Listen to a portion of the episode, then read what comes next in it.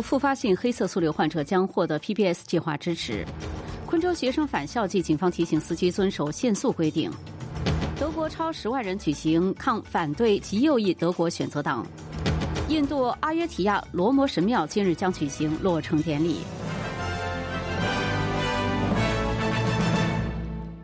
以下是新闻的详细内容。反对党表示，总理阿尔巴尼斯决定在议会复会前几周召开内阁会议是在玩弄政治。总理和其同僚将讨论如何缓解生活困难的澳大利亚民众所承受的生活成本压力。此前，国际货币基金组织于近期发布了一份关于澳大利亚经济的报告。该报告显示，尽管通货膨胀率已经达到了顶峰，但至少在二零二六年之前都不会回落到储备银行设定的百分之二到三的目标区间。反对党国库事务发言人安格斯·泰勒告诉 SBS 新闻，此举似乎是政府的无奈之举，因为政府并没有把重点放在关键问题上。在我看来，这是一个绝望的总理所采取的政策。他在去年整整一年都心不在焉，不知道该做什么。我们将拭目以待，看看会有什么样的结果。但是坦率地说，现在这看起来就像是在执行政策，但更像是政治，而不是处理真正的问题，也就是澳大利亚民众长期以来感受到的痛苦。这位总理承诺要解决的痛苦，显然他没有做到。卫生部长马克·巴特勒表示，一种可通过药品福利计划获得的新型抗癌药物，将为罹患复发性黑色素瘤的澳大利亚人带来希望。这种名为 Opdualag 的尖端药物将从二月一日起以政府补贴的价格提供给大约九百四十名患有耐药性皮肤癌的患者。如果没有这个补贴，这些患者每个疗程需要支付约三十一点五万澳元。马克·巴特勒表示，这一新的列表将为对目前治疗方法无效的晚期黑色素瘤患者提供更多的选择。Now, this latest cutting-edge treatment, 现在无法通过手术切除或者已经转移的黑色素瘤患者，将可以使用最新的尖端免疫疗法 Opdualag。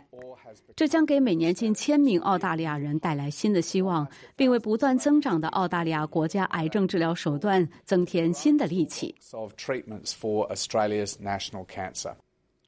虽然治疗方法有所改善，但黑色素瘤仍然是澳大利亚最常见、最致命的癌症之一。每年有一万七千名澳大利亚人被确诊为黑色素瘤，每六小时就有一名澳大利亚人因为黑色素瘤而死亡。健康专家警告称，澳大利亚对芬太尼泛滥的可能性准备不足。他们称，虽然非法芬太尼尚未在黑市流行，但需要做更多的工作来应对威胁。芬太尼的药效比吗啡强约一百倍，在澳大利亚是合法的处方药，用于治疗剧烈疼痛，但也可能被非法贩运。CoHealth 成瘾医学专家保罗·麦克卡特尼警告称，芬太尼何时会真正出现在澳大利亚的街头是一个问题。昆州学生将于今天返回学校，警方提醒司机在上下学期间遵守限速规定。昆州警方还通知驾驶员，在某些地区由于分校区的原因，时速四十公里的限速规定全天有效。警方还敦促家长和监护人避免在学校门口并排停车，并注意其子女的动向。昆州警察和惩教服务部长瑞安表示，警察将在必要时进行干预，以确保返校季的安全。Schools back and lessons are to be learned. 开学了，我们要吸取教训。我不希望驾驶者在这方面犯错，你也不希望以罚款告终，不想成为更重要事件的罪魁祸首，造成学校周边的悲剧。孩子们的行动是不可预测的。这周回到学校，他们会很兴奋。我们需要每一个人都在学校周围采取负责任的行为，不仅仅是这一周，而是每一天、每一周。一个由倡导者、研究人员和知名父亲组成的联盟将于今天推出一项五点行动计划，以帮助儿童在生命的头五年健康成长，并支持父亲在儿童的生活中扮演更为积极的角色。该小组成员包括 Red Wiggle Simon Price、喜剧演员哈米什·布莱克、配音演员大卫·麦克马克和澳大利亚年度地方英雄阿马尔·辛格。他们希望联邦、州和领地政府让更多的人能够负担得起和获得高质量的幼儿教育，增加父亲和非生育父母的育儿假，并为父亲提供更多的教育和支持，让他们成为积极和有爱心的父母。澳大利亚气象局表示，已经遭受前热带气旋贾斯珀袭击的社区，有可能在未来数天内面临类似的天气现象。潜在的气旋似乎正在珊瑚海形成，预计将在本周二及一月二十三日完全形成。随着这一天气系统逐渐增强，并将于周一晚些时候或者周二早些时候进入昆州西北部，昆州当局正在为最坏的情况做准备。昆州气象局的哈德利表示，凯恩斯以南地区受到的威胁最大。The most likely, um. 本周中期，热带气旋最有可能穿越的区域是从凯恩斯到麦凯，所以凯恩斯，尤其是凯恩斯以南的地区，看起来有一定的风险。但是凯恩斯以北地区的风险可能比我们在南部看到的要低。气象局表示，建议昆州东海岸社区随时关注最新的预报和警报。警方正在搜捕一名从投资者身上骗取超过八百七十万澳元的男子。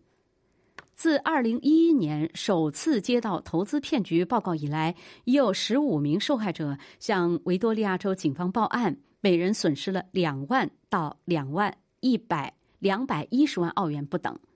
调查人员认为，该骗局中这名男子接近他人，并表示愿意帮助他们拆除房屋。然后，该男子会提出在他们的地方建造联排别墅，并让目标群体相信他是一个成熟的开发商。警探已经收到了墨尔本东部郊区的穆鲁比纳、博马里斯、本特利、本特利东、卡内基、东布莱顿、图拉克和莫尔文东受害者的报案。您正在收听的是 SBS 中文普通话节目。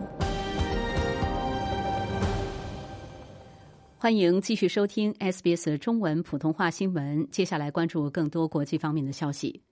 数千人在以色列参加了反对现任总理内塔尼亚胡政府的抗议活动。特拉维夫集会的参与者要求立即结束加沙战争，以解救仍被哈马斯扣押的超过一百名人质。一名在战争中丧生的士兵的妹妹表示，他们感觉被自己的政府所抛弃。十月七日抛弃我们的政府，从那时起每天都在继续抛弃我们。从北部和南部边境撤离的人员、遇难者家属、预备役人员，还有人质。继十一月底用一百零五名人质初步交换两百四十名巴勒斯坦囚犯之后，哈马斯表示，在以色列军队撤出加沙地带之前，不会释放十月七日从以色列南部绑架的其余人质。然而，内塔尼亚胡及其政党表示，需要在军事上击败哈马斯，才能够确保其余人质的获释。超过十万人参加了德国各地的抗议活动，以表示对极右翼德国选择党的反对。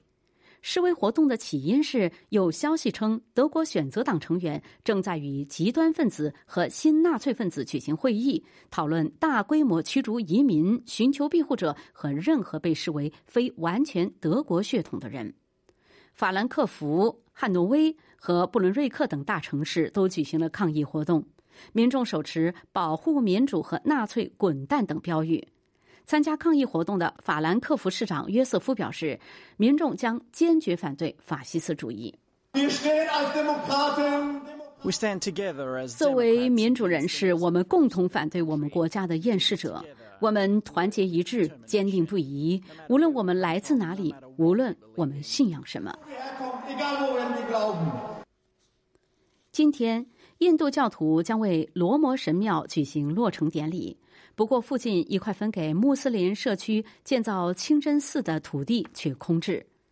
距离阿约提亚的新罗姆神庙约二十四公里处，有一块五英亩的土地被指定用于建造一座新的清真寺，以取代一九九二年被印度教狂热分子摧毁的拥有数百年历史的巴布里清真寺。当时，清真寺的毁坏引发了全国范围的骚乱，造成两千人死亡，其中大部分是穆斯林。当地一位穆斯林神职人员表示，他认为极右翼政府优先考虑印度教寺庙是为了服务他们的政治议程。如果我可以公开的说，我认为本届政府更加关注罗摩神庙。由于大选在即，政府需要一个目标来获得民众的选票。现在他就有了一个获得选票的议程。这也是他们更加关注和重视的原因。政府知道，如果他们修建了罗摩神庙，就会拿到选票，而现在就发生了这样的事。这就是为什么政府更加关注这座寺庙。哈马斯控制的加沙地带卫生部称，在以色列对加沙地带的袭击中丧生的巴勒斯坦人已超过两万五千人。加沙卫生官员称，自去年十月七日战争爆发一百多天以来，由于以色列的攻势和巷战继续在整个地区肆虐，已有六万两千多人受伤。加沙卫生部周日称，在过去二十四小时里，有一百七十多名巴勒斯坦人丧生，这是迄今为止战争中死亡人数最多的一天。在哈马斯于十月七日发动袭击之后，以色列发动了地面和空中攻势，誓言要将哈马斯从该地区该地区铲除。以色列称，约有一百九十名以色列国防军士兵在加沙地带的地面军事行动中丧生。军方报告，自冲突爆发以来，共有五百三十一人死亡。我们再来看一看体育方面的消息。澳大利亚选手亚历克斯·德米瑙尔苦战五盘不敌俄罗斯选手安德烈·鲁布廖夫，以惨败收场。第四轮比赛持续了四个小时十四分钟。澳大利亚选手尼克·基尔吉奥斯称赞这场比赛展现了极致的运动水平。亚历克斯·德米瑙尔在赛后接受第九频道采访时，谈到了他认为比赛中出现的问题。Not a match that I, I thought I lost physically. 我并不认为自己输掉了这场比赛，只是球拍从我手里滑落了。当到了某个阶段的时候，我没法让它移动。我想它只是站着从球场的每一个地方击球。你要知道，十轮比赛，这可能是整场比赛当中最令人失望的部分。You know, that's probably the most disappointing part of of the whole match. 接下来，我们来关注一下澳大利亚元的汇率。在国际货币市场上，一澳元可以兑换零点六五八美元，可以兑换一点零七八新西兰元。同时，一澳元可以兑换四点六八八元人民币，五点一五零港币，二十点六八八新台币。新闻节目的最后是全国各主要城市今天的天气情况。悉尼局部多云，最高温度二十五度；墨尔本多云，最高温度二十度；布里斯班局部多云，最高温度三十七度；堪培拉局部多云，最高温度二十六度；阿德莱德晴，最高温度三十二度；珀斯晴，最高温度二十八度；达尔文有阵雨，最高温度三十二度；霍巴特早间可能有阵雨，最高温度十六度。